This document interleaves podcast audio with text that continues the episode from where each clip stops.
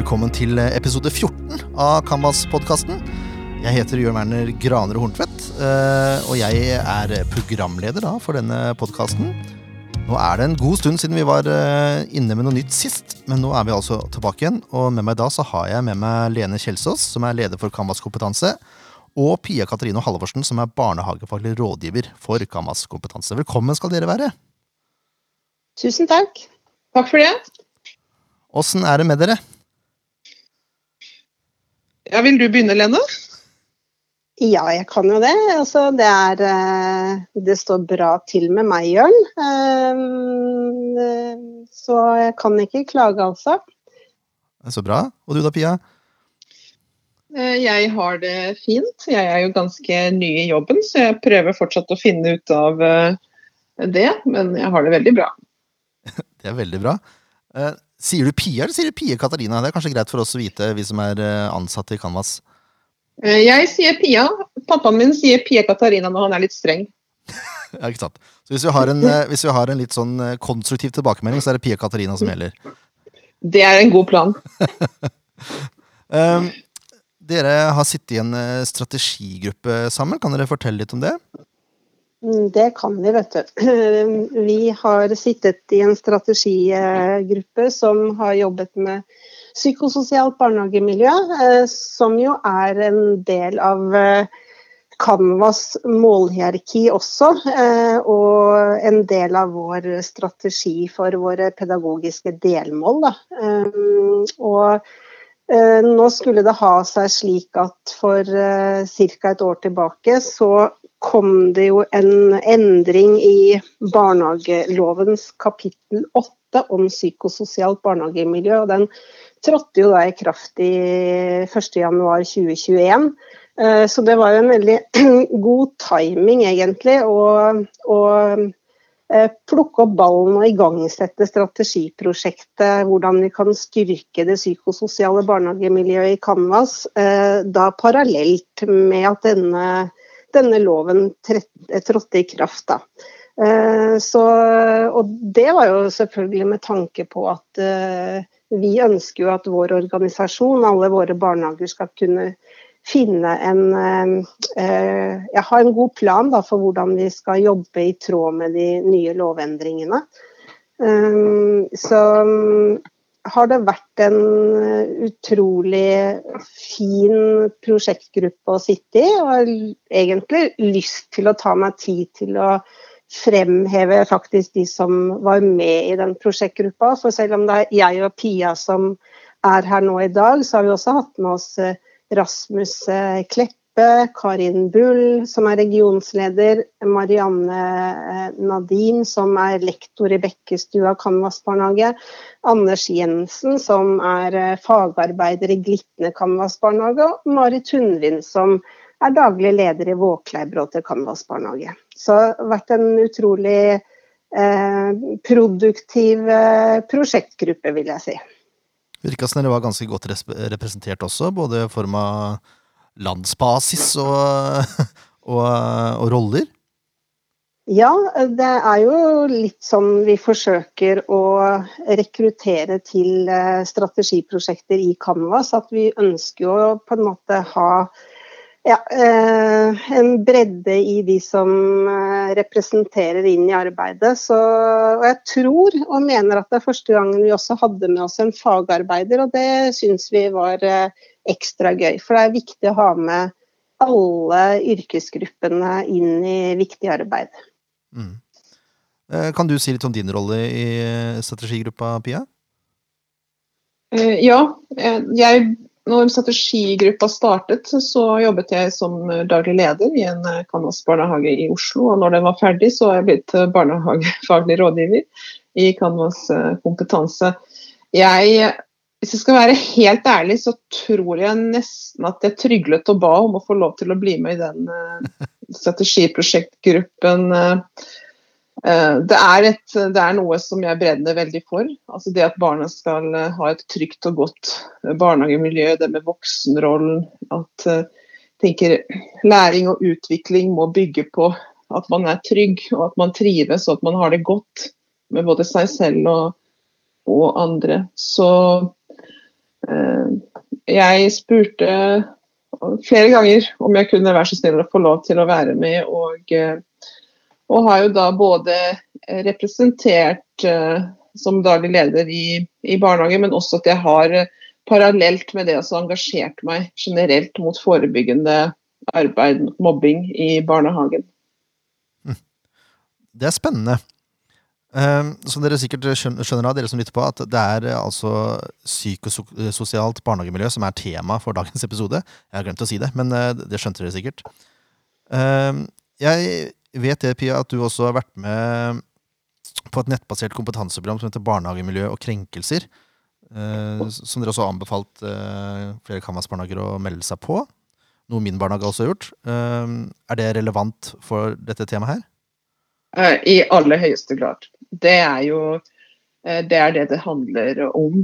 Og, eh, og det stemmer at uh, Den blå appelsin Canvas barnehage var så heldig at vi fikk være med i en av de første puljene som Utdanningsdirektoratet inviterte til. Og selv om det har vært tidkrevende og arbeidskrevende, og også krevende av oss som mennesker som jobber i barnehagen. altså det det, det, er ikke bare nok å ha kompetanse og kunnskap uh, om dette temaet når man skal jobbe forebyggende, men du må faktisk også ha selvkompetanse. Og Det opplevde i hvert fall vi i barnehagen eh, at vi måtte øve oss på når vi tok dette barnehagemiljø- og krenkelser-programmet. Så ja, det, gleder meg å høre at det er flere som har gått i gang med det.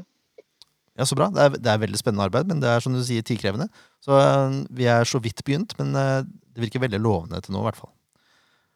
Uh, kan dere si litt om, hvis vi skal definere hva et psykososialt barnehagemiljø er, kan dere, kan dere definere det litt? Ja, Det handler jo først og fremst om hva hvert enkelt barn uh, erfarer av relasjoner i barnehagen. Eh, både til de voksne, men også selvfølgelig til andre barn. Altså hvordan vi voksne møter barna, hvordan vi ser barna. kanskje også hvordan vi ser, ikke minst bakenfor, både ja, både atferd og ja, hva barn måtte uttrykke. Da. Eh, og, og, det samme også i forhold til barnegruppa, selvfølgelig. Eh, så eh, i forhold til andre barn, så er det selvfølgelig vennskap og lek er jo uh, selvfølgelig veldig sentralt da, i et godt psykososialt barnehagemiljø. Og ikke minst opplevelsen av å være en del av et fellesskap. og det er i hvert fall Akkurat det med fellesskap er noe som jeg kanskje bare kjenner sterkere og sterkere for. hvor viktig akkurat den delen av det psykososiale barnehagemiljøet faktisk er. Da. Uh, og For ikke så veldig lenge siden så var jeg ute i en av barnehagene uh, våre. Uh, og var da så heldig at jeg kunne observere en voksen som hadde med seg en hel hærskare av barn inn i et fellesskap på utelekeplassen. og jeg bare tenkte, når jeg så det, så tenkte jeg bare Herregud.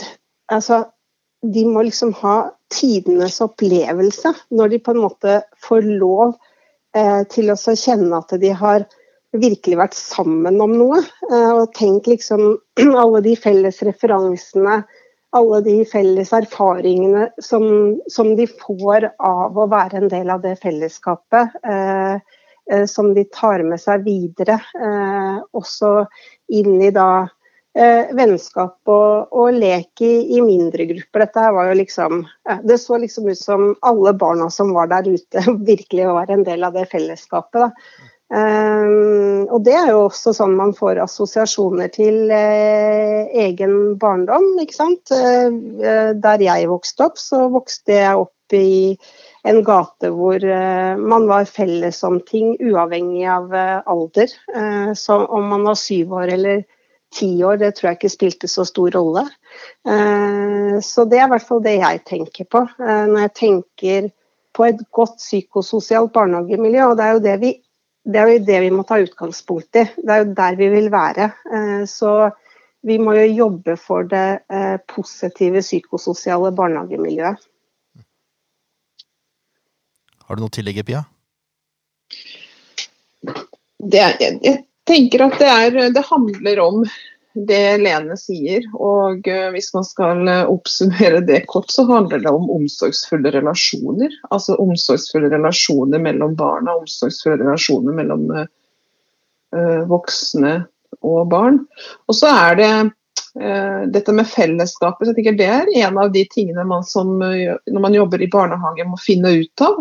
Altså Hvordan skal man balansere fordi vi skal vise respekt for enkeltbarnet. Eh, vi skal behandle hvert barn eh, som et subjekt. Vi skal anerkjenne hvert enkelt barn og barnas opplevelser. Og samtidig så skal vi som jobber i barnehagen eh, jobbe for at barna, at hvert eneste barn skal oppleve tilhørighet. Og skal kjenne seg som en del av et fellesskap. At, at de er en del av et vi. Og det er kjempeviktig. Og den balansegangen der tror jeg eh, bl.a. gjennom det barnehagemiljø og krenkelser da, som du nevnte, Jørn, at uh, byr til mange gode refleksjoner og diskusjoner om hvordan man finner akkurat den balansen. Spennende. Jeg må bare spørre om en ting. fordi Da jeg gikk på høyskolen, så lærte vi noe som et psykososialt læringsmiljø. Er dette liksom et mm. steg videre som er mer barnehageretta, er det vi tenker? Det vil si barnehagemiljø istedenfor læringsmiljø? Jeg tror, eh, jeg tror, at det er eh, Det er jo sånn at vi har ulike begreper som vi bruker til litt ulike eh, tidsperioder, er det ikke sånn? Mm. Og det har jo vært et bevisst valg eh, vi i hvert fall har tatt i Canvas nå, da, at vi har kalt det barnehagemiljø fordi vi opplever det er også det begrepet som også i stor grad blir benyttet bl.a. i rammeplanen. Eh, så, så, det er vel egentlig mer også å på en måte justere seg og tilpasse seg på en måte det begrepsbruket som kanskje flest kjenner til akkurat nå, og er veldig tidsaktuelt nå. Eh, det er jo ikke så veldig lenge siden vi selv i Canvas også brukte nettopp det begrepet som du sier, Jørn, eh, læringsmiljø. Så jeg tror ikke vi Jeg tror vi nok legger Altså, vi tenker i hvert fall at om barnehagemiljø, da, så kan det romme enda mer på en måte uh, enn læringsmiljø. Det kan romme både omsorg, lek, danning og læring. Uh, så det, det, er liksom uh, ja, ja, Det er enda mer enn et kinderegg, for det er faktisk fire ting og ikke bare tre ting. men, men jeg, jeg, tror kanskje det er en, en, en god måte å, å besvare spørsmålet ditt på. Ja, Det er jeg helt enig i. Jeg syns det, mm. det, er bra spissa. For læringsmiljø, ja. læringsmiljø er uh, veldig definert mot én ting, tenker jeg, mens uh, barnehagemiljø blir mer retta mot oss hele dagen. Ikke bare i visse situasjoner. Mm. Men dere snakker om det at et godt psykososialt barnehagemiljø handler om vennskap og fellesskap og lek. Uh, finnes det mobbing i barnehagen? Og kan man kalle det mobbing når barn er så små? Uh, ja, altså jeg vil si at uh, i dag så, så, er det allmenn enighet om at det er at Vi kaller det også mobbing i barnehagen. og Det har vært diskutert altså siden andre halvdel av 90-tallet, er det vel. Eh, men det er stor enighet eh, blant eh, forskermiljøene og de som jobber med dette, at vi skal kalle det mobbing. Og så er det noen som reagerer på det. Bl.a. har jeg opplevd foreldre som reagerer på at man bruker ordet mobbing. Også, og det, jeg tenker for de barna som opplever å bli utestengt, og det er utestengelse fra lek som er den mest vanlige formen for mobbing i barnehagen, så er det alvorlig. Og ja, mobbing er et veldig alvorlig ord, men det er også utrolig alvorlig for det barnet som opplever å bli utestengt. For det barnet som eh, blir utsatt for atferd eh, som de ikke kan forsvare seg mot. Mm. Mm. Jeg er helt enig i det Pia eh, sier nå, og, og vil jo bare også poengtere at det er jo forskning som viser akkurat det som Pia sier, da, at uh, utestengelse fra lek og vennskap, det er jo det som kanskje er mest vanlig da, uh, av type uh, ja, mobbing, krenkelse, utestengelse. Altså, det er jo mange begreper i, i den, den, nye lovendringen, men, men ja, det er jo helt klart at forskning peker på akkurat det som Pia sier. Så er det jo Bare fortsett. bare fortsett. Eh, jo, det er, det er jo bl.a. ved Universitetet i Agder, ved Ingrid Lund og Anne Helgeland, som er to av de fremste som har forsket på mobbing i norske barnehager, eh, som som sier at man kan anta at i gjennomsnitt ett barn på en storbarnsavdeling med 18 barn har opplever uh, å bli mobbet uh, i barnehagen. Og så er det variasjon. altså Det kan være jeg tror forskningen spriker sånn mellom 5 og 20 på hva man, hva man mener. Men de mener i hvert fall at du kan anta at hvis du har en storbarnsavdeling med 18 barn, så så kan du anta at det er ett barn som blir uh, utestengt uh, i gruppen. Ja, så det vil si at egentlig alle storebarnsavdelinger i våre barnehager har et barn som blir mobba eller utestengt?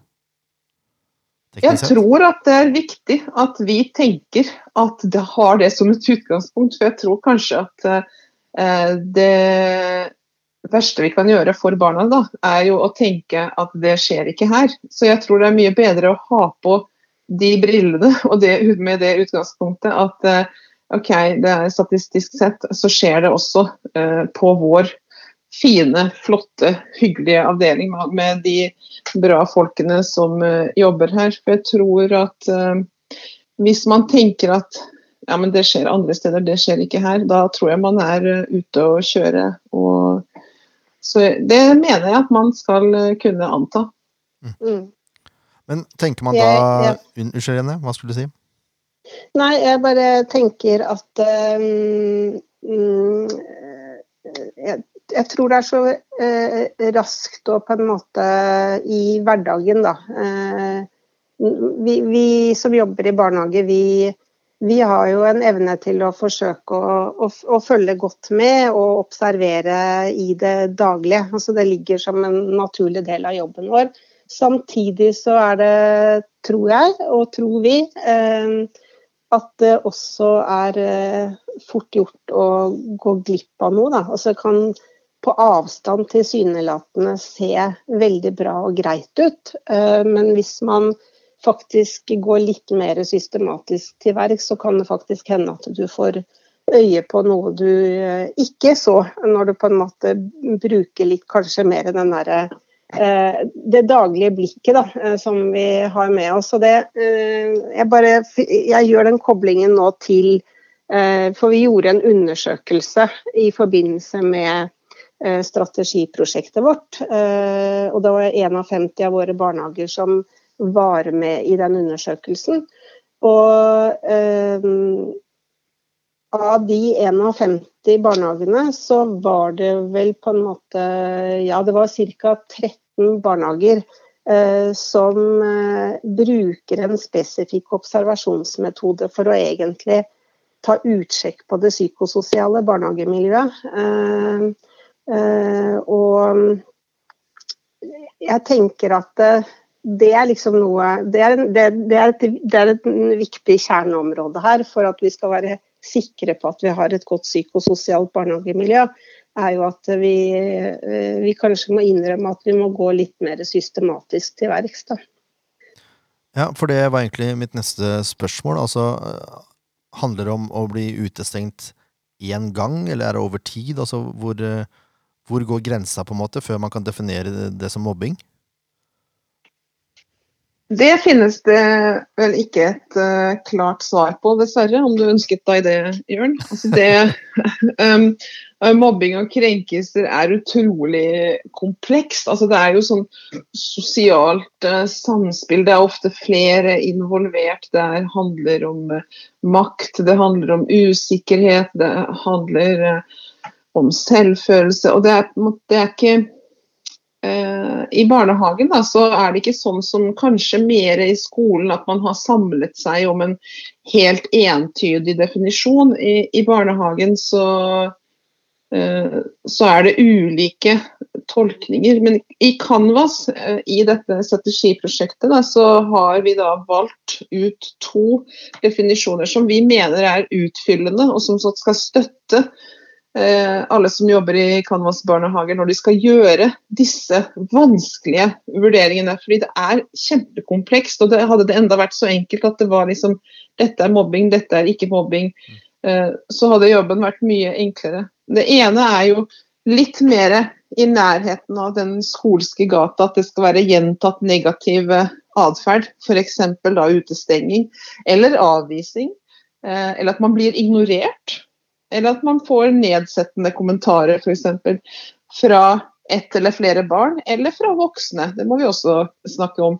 Eh, og at det er atferd som barna ikke kan beskytte seg mot. Og Det er liksom den ene definisjonen. Og den andre eh, som vi da eh, har valgt, og som jeg vil si er en av de mest brukte i barnehagene i Norge nå, som kommer fra Ingrid Lund og Anne Helgeland, som jeg nevnte i stad, de sier at mobbing og krenkelser er handlinger fra fra barn og eller voksne som hindrer opplevelsen av å høre til.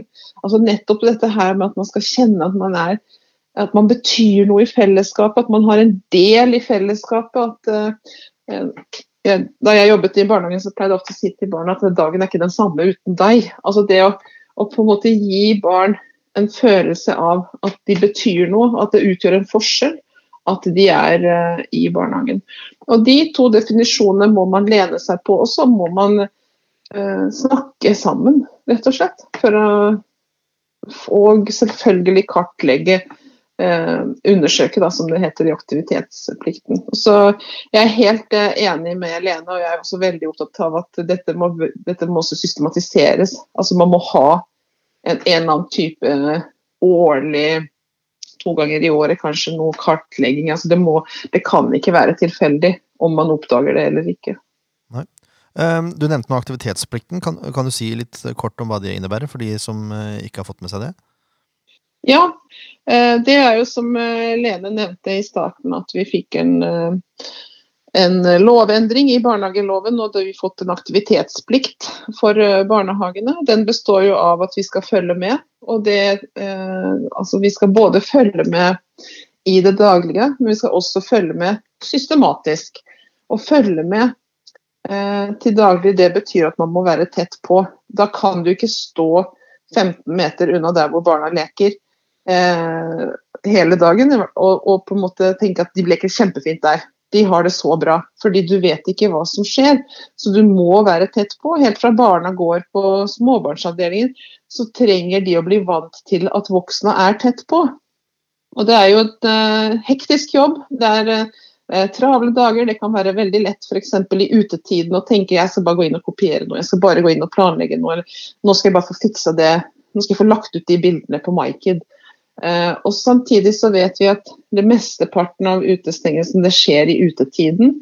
Uh, og at det er fordi vi er for få uh, voksne til stede og vi er ikke tett nok på. Fordi du kan, Det som ser ut som en bra lek, det, det, det, kan du ikke ta for gitt at det er. Da. Så En del av det å følge med er jo å være tett på leken. Tett på der hvor barna er. Og at barna er vant til at i denne barnehagen så er de voksne der hvor vi er. Da. For Jeg har også sett barnehager hvor Eh, hvor barna er vant til å leke uten at de voksne er tett på. Og så handler det om Det er det første jeg følger med, og så er det meld fra. Altså du må eh, si fra. Eh, si fra til kollegaer, si fra til eh, styrer. Og så er det da å undersøke. Og det finnes jo forskjellige verktøy man kan bruke for å undersøke hva som skjer. Og selvfølgelig må man også involvere foreldrene i det arbeidet. Og så er det å sette inn eh, tiltak, altså egnede tiltak. Um, nå var det mange spørsmål på en gang her, egentlig på huet mitt. Uh, jeg, jeg, vil tro at mange ansatte nå tenker at ja, det er greit å være tett på, men man kan ikke være tett på alle hele tida. Åssen skal man løse det? Nei, det, det, kan man ikke. Det er helt umulig. Da må vi ha 18 voksne til 18 barn. Uh, og det har vi jo ikke. Uh, så, så, det man må sørge for, er jo kanskje å ha et system for at man har vært tett på alle barna som uh, er på sin avdeling i løpet av dagen, i hvert fall. Uh, og når er det aktivitetsplikten da setter inn? Altså Når er det man skal informere foreldre, når er det man skal sette inn tiltak, tenker du? Hvis du har mistanke om at et barn ikke har det bra i barnehagen, så setter den inn. Det er ikke verre enn det. Eller hvis et barn sier at det ikke har det bra i barnehagen. Mm. Eller hvis foreldrene sier 'jeg tror ikke mitt barn har det bra i barnehagen'. Mm.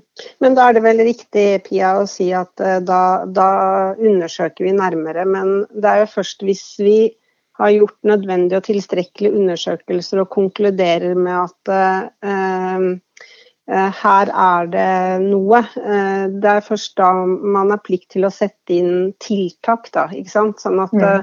Man, man, gjør, man, gjør, steg én, to og tre, og så Eh, gjør man opp en eh, status når man har gjort alle de undersøkelsene som man, eh, som man tenker, og så setter man inn tiltak hvis det, hvis det viser seg at det, det, faktisk er det som er behov. Ja, det stemmer. Men altså, de tre første delene av aktivitetsplikten blir utløst ved mistanke. Da. Mm. Ja. Og for å fange opp de mistankene, så må man som dere sier, være tett på. Ja. Um, det er jo uh, en uh, Jeg tror du nevnte det i stad, Lene, litt, litt, om voksne også. Eller var det deg, Pia? Jeg husker ikke. en av dere nevnte i hvert fall uh, at voksne også kan jo være med på å krenke eller mobbe barn. Og da har vi en skjerpet aktivitetsplikt. Kan dere si litt om det? Mm. Ja, det er det er også en paragraf som kom inn eh, samtidig, da, 1.1.2021, eh, når ansatte eh, krenker eh, barn. Og det er, eh, det er også veldig viktig eh, å, å, snakke om. fordi at vi har jo ikke, vi har ikke bare ansvar for å passe på våre egne ord og våre egne handlinger, men vi har også et, et kollegaansvar. Altså vi har et ansvar for at alle som jobber i barnehagen fremmer et godt og trygt miljø for alle barna eh, som eh, går i barnehagen. Og Det er klart at det, er, eh, det kan være veldig krevende å ikke handle på en uheldig måte. Da, det som kan komme inn under skjerpet aktivitetsplikt, kan f.eks. være at man bruker ironi eh, mot eh, barnehagebarn som eh, kanskje ikke har forutsetninger eh, for å forstå ironi, som kan skape utrygghet. At man, det kan være eh, at man latterliggjør barn. Det er en stor forskjell på å le av barn og le med et barn. Eh, det kan være at vi bruker merkelapper om barn. Åh, det er så sutrete. Ja, men han er jo han er jo høyt og lavt alltid. Han er så vanskelig. Eller Nei, men hun er bare så stille, hun. Det er sånn hun er. Så det kan være mange forskjellige måter. Og noen av de som eh, forsker på, på, dette her, sier også det fravær av refleksjon. At du ikke ser på deg selv og, og og eh, at du ikke gir tilbakemeldinger til kollegaer. altså det At barnehagen ikke har en kultur for å se på voksenrollen. At barnehagen ikke har en kultur for å diskutere våre væremåter åpent eh, eh mot barn. Kan være krenkende for eh, noen barn. Eller at man f.eks. tror mer på et barn enn et annet. Mm. Mm. Skulle du si noe, Lene?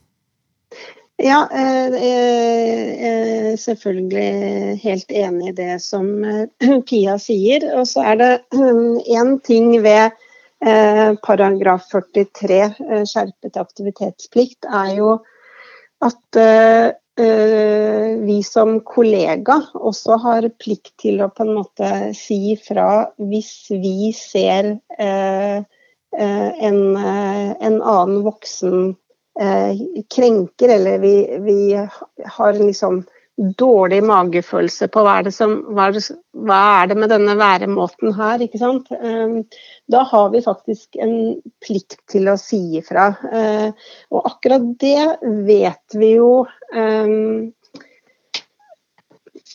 fremstår som ganske krevende og ganske vanskelig eh, og, og utfordrende, vil jeg si, for, eh, for, en kollega å skulle liksom våge det. Eh, og har man det, det klimaet i kollegaene imellom faktisk til å liksom spørre, være nysgjerrig på hva, hva, hva sånn tenkte du, hva, hvorfor valgte du å, å, å, kommentere eller løse det, denne situasjonen på den måten som du gjorde? Uh, uh, det, det, tror jeg alle vi kan forestille oss faktisk er veldig vanskelig. Og, og kanskje noe av det som er utfordrende med å ta tak i den skjerpede aktivitetsplikten. Da. Altså det at det er lovformulert at vi faktisk har plikt til å si ifra. Eh, det er jo eh, det er ganske nytt og egentlig en ganske viktig og alvorlig side av akkur akkurat den, eh, den paragrafen. Eh, som vi også så i den undersøkelsen som vi gjorde, at, at folk pekte på at her har vi liksom kanskje ikke nok kunnskap, her har vi litt dårligere med erfaring. Eh, så, så det er jo noe som vi, vi ser at dette må vi, dette må vi, trene på og øve på sammen, rett og slett. Eh, for å få et eh, ytringsklima i barnehagen hvor vi også kan tørre å reflektere over vår væremåte. Da. Og da tror jeg det starter der. Jeg tror det starter med at vi må, vi må begynne å ha rom for å reflektere over vår væremåte i møte med barn før det helst går dit at vi liksom står i en veldig krevende situasjon. Eh, for da tror jeg også at vi, vi forebygger ganske mye på veien eh, hvis vi får det som en, eh, som en naturlig måte å være sammen på, da, når vi f.eks. har avdelingsmøter og, og også kan på en måte reflektere over, over, over den delen av arbeidet vårt. Mm.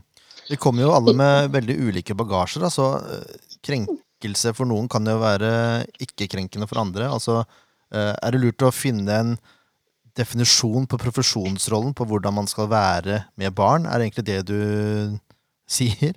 At må, det er det man må reflektere rundt? Hvordan skal man være rundt barn, og så bli enige om en felles profesjonsrolle? Jeg tror du er inne på noe der, at uh, rollen vår og, i, og, profesjonsrollen vår, den har vi veldig godt av å reflektere over i fellesskap. Og, og der finnes det mange gode utgangspunkt. Uh, når du sier det, så kan man jo bare skjele til til eh, eh, Canvas har jo, en, har jo faktisk en egen definisjon på det, laget for, og av barnehagelærere f.eks. Så det kan jo være et veldig godt utgangspunkt da, for å reflektere over, over dette. Så, men, så, det er helt klart, det er, det er væremåten vår. Det er hvordan vi det er hvordan vi ser, det er hvordan vi anerkjenner, det er hvordan vi lytter, det er hvordan vi tar barn på alvor. Eh, det er jo egentlig alle de tingene som vi eh, kjenner svært godt i barnehagen, eh, og som rammeplanen er veldig tydelig på, men samtidig som vi vet også kan være, kan være krevende. Da. Og, som vi også dessverre har sett historier på at eh, det er jo, det er jo ikke alltid at vi eh, eh, At alle voksne som jobber med barn, er, er like gode på, på, disse, på disse tingene. Jeg har lyst til å kommentere på det, Jørn. Mm. Jeg er jo enig med Lene. Og, og, samtidig så tror jeg også vi skal være uh, ærlige og åpne i barnehagen om at det kommer sånne dager hvor Kanskje du har uh, krangla med gubben før du gikk på jobb. Kanskje du, motoren på bilen ikke starta. Kanskje du ikke har sovet i natt. Altså hvor du er uh, Du har ikke selv din beste dag. Og så er det sånn at noen barn kan trigge oss mer enn andre barn. Og det å reflektere også litt rundt dette her at at noen barn har en væremåte som kan utfordre oss litt ekstra. Og det kan være forskjellig. Hvis vi er tre-fire stykker som jobber på en avdeling, så trenger ikke det å være det samme. Altså. Men at vi, eh, man også vet at, eh, at på en sånn dag, da, altså selv om du har den profesjonaliteten, du har den refleksjonen, du har den standarden da, for hvordan man møter barn, men så er vi folk, vi er mennesker.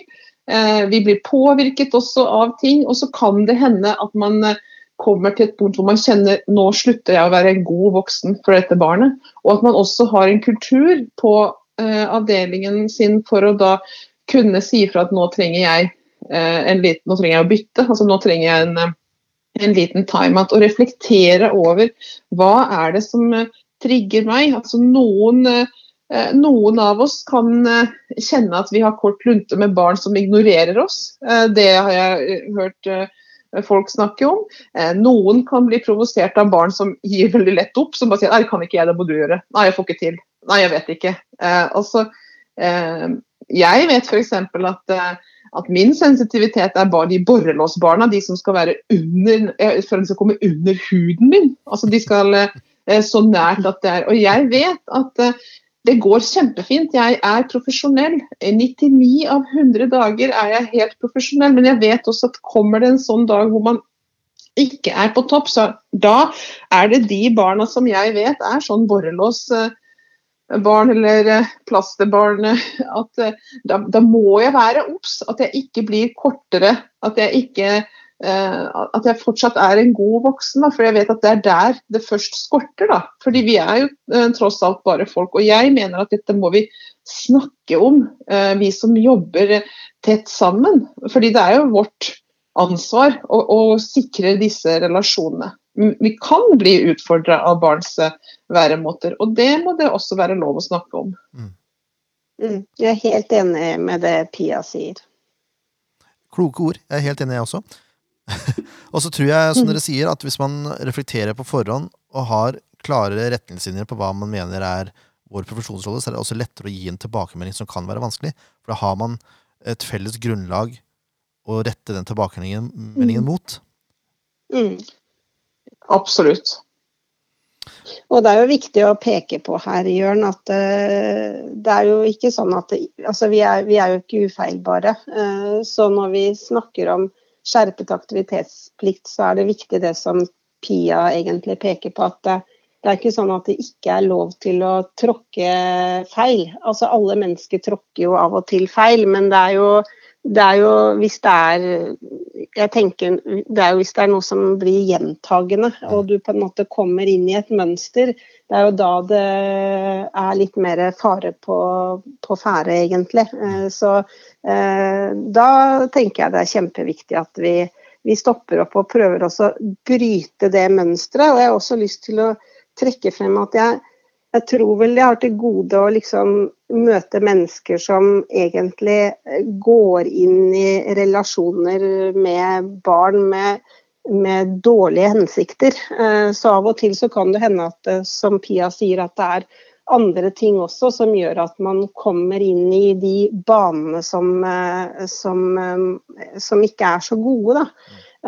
Og jeg tror kanskje et av de verktøyene som flest Canvas-barnehager bruker, eh, nemlig relasjonsbarometer, er jo eh, en, en, sånn god systematikk å bruke, og egentlig også ta litt sånn utsjekk på hvordan, hvordan står det egentlig til eh, nettopp med hvilken relasjon har du til hvilke barn. Eh, for det er helt riktig som Pia sier, vi, vi har ikke dønn lik relasjon til alle barn. Eh, så det er sånn at um, um, ja, um, F.eks. så er det noen barn som uh, trigger oss på én måte, og så uh, andre barn de på en måte uh, De har vi kanskje alltid på, på sett og vis på, på plussiden på et eller annet vis. da.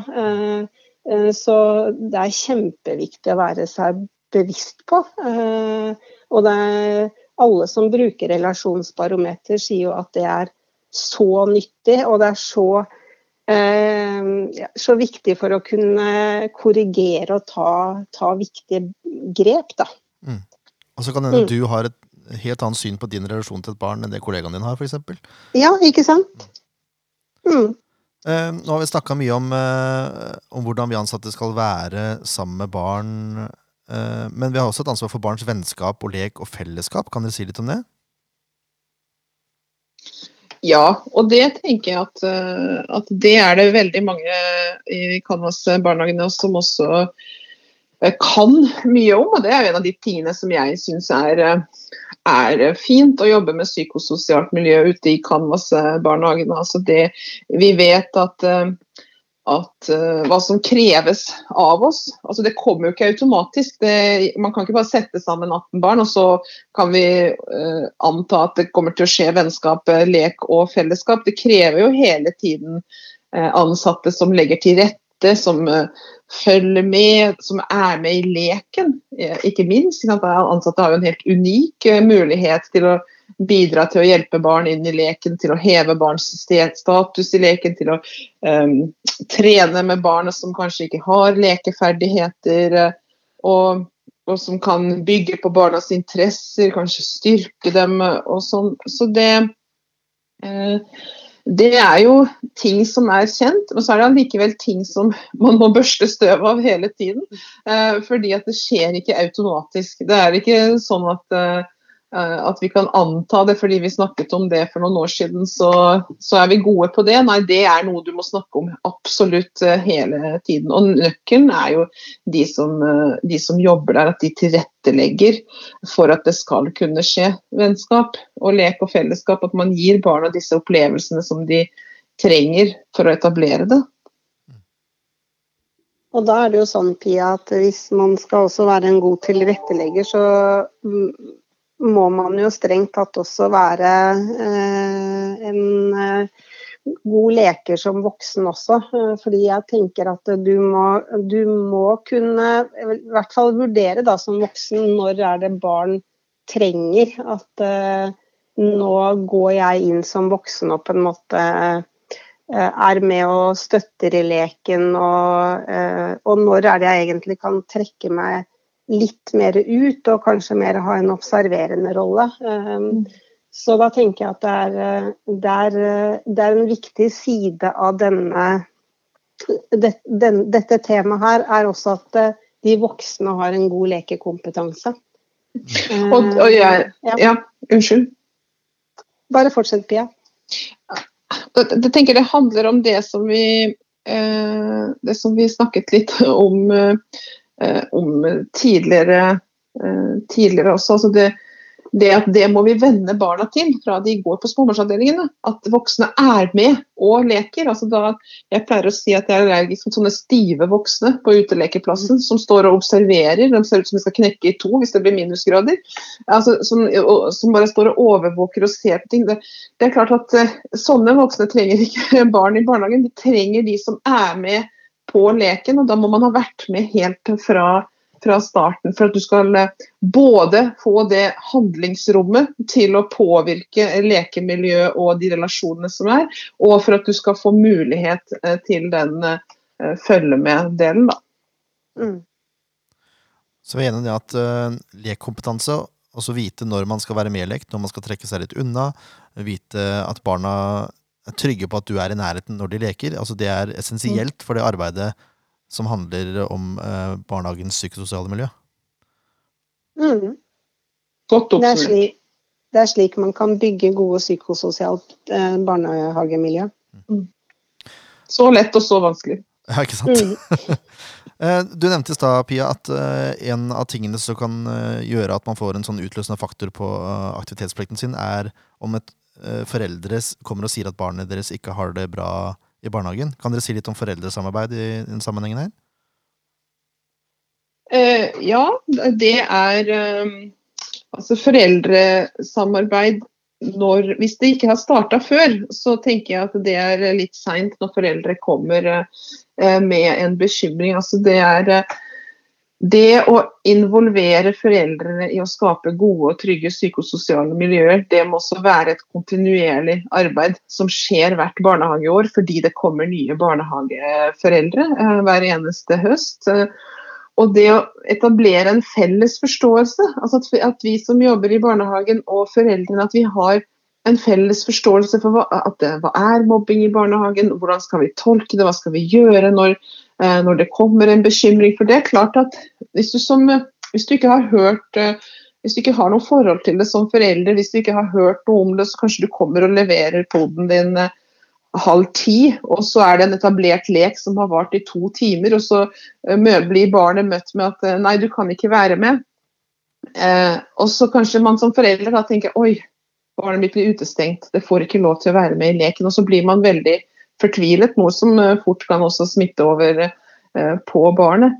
Eh, samtidig som vi som jobber i barnehagen, vi vet at, at, det kan hende de barna har vært i den leken i to timer, siden de ble levert klokken halv åtte.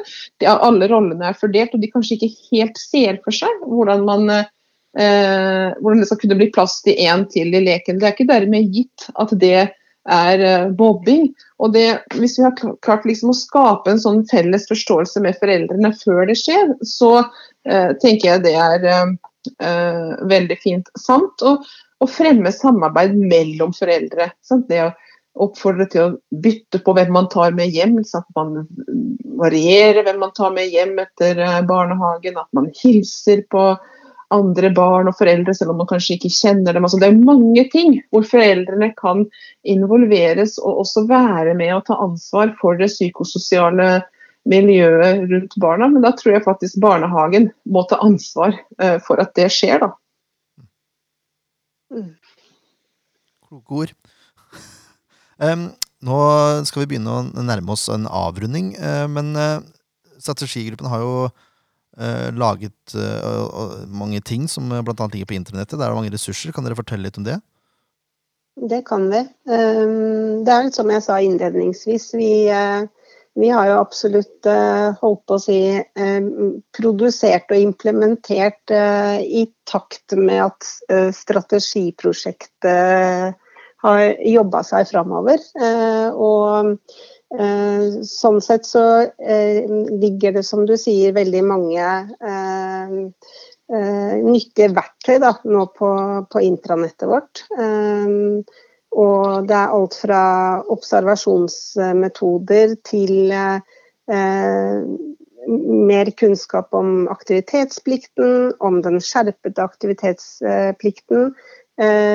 Vi lagde jo i fjor to webinarer. Ett webinar om, eh, om aktivitetsplikten og ett om barnesamtaler. Eh, og vi vet at eh, mange har benyttet seg av disse webinarene nå også i ettertid, men de ligger jo der på, på, på intranettet, så de er jo bare å bruke igjen og igjen. Um, uh, og like til disse webinarene så er det bl.a. laget eh, en, en, god del eh, refleksjonsoppgaver, som jo også er anbefalt å, å bruke som oppfølging i, både på personalmøter og, og på avdelingsmøter, for den, den saks skyld. Um, så det ligger mange fine ressurser der. Det er også noen nye ressurser på gang som jeg har lyst til å egentlig gi litt reklame nå på tampen av eh, podkasten. Eh, vi skal arrangere et webinar om skjerpet aktivitetsplikt for alle ansatte nå 16.3. Eh, så da er det bare å melde seg på. Og det vil også bli gjort et opptak som også da vil være tilgjengelig på intranettet etterpå. Og så et gratis webinar for alle Canvas-foreldre 2. mai. Eh, så det er jo to eh, nye tiltak eh, som vi håper kan bidra til en ja, å, fortsette å jobbe godt da, med det psykososiale barnehagemiljøet. Og så helt til slutt så har jeg lyst til å nevne, Jørn, at vi har jo et relasjonsspill i Canvas, altså dette rosa verdispillet. Mm. Og der skal vi nå inn og revidere og lage en del kort som er mer knytta til også aktivitetsplikt og skjerpet aktivitetsplikt. Også de, de, denne delen av eh, psykososialt barnehagemiljø som kanskje dette verdispillet ikke har tatt inn over seg på samme måte tidligere. Da. Eh, så det håper vi også kan være til, eh, som et godt verktøy for barnehagene å, å jobbe med i sitt videre arbeid. Så spennende. Det skjer ting hele tida, altså. Ja, vi, eh, det er det som er gøy med å jobbe i Canvas kompetanse òg, er det ikke det, Pia? Absolutt. Glimrende. Eh, da tenker jeg at vi kan runde av der. Eh, tusen takk for at dere var med oss i dag, Lene og Pia. Takk for at vi fikk lov å komme og snakke om dette som er så viktig. Jeg merka det var deilig å sette i gang med podkast, og så var det ekstra deilig når det var et så viktig tema. Enig. Eh, da kan vi jo oppfordre lytterne våre, da, eh, ansatte i Kamas, hvis det er noe dere har lyst at vi skal ta opp i Kamas-podkasten, hvis det er noe dere brenner inne med eller har lyst til å dele, ta kontakt med oss, da vel. Så, så får vi det til, eh, vil jeg tro. Det var en veldig fin oppfordring, Jørn. Ja, vi trenger, vi trenger, tips, og vi vet det er utrolig mye kompetanse ute i barnehagene våre. Jo mer vi får belyst det, jo bedre er det både for oss og for dere. og for hele barnehagesektoren, egentlig, tenker jeg. Du kan maile Lene, kan maile meg, eh, kan maile Robert hvis dere føler for det. Kom med tips, så skal vi se hva vi får gjort. Da tenker jeg at vi nærmer oss slutten og sier takk for følget. Og så er det vel ikke så lenge til vi lyttes igjen, håper jeg, som sist. Men eh, takk for at du hørte på. Vi høres.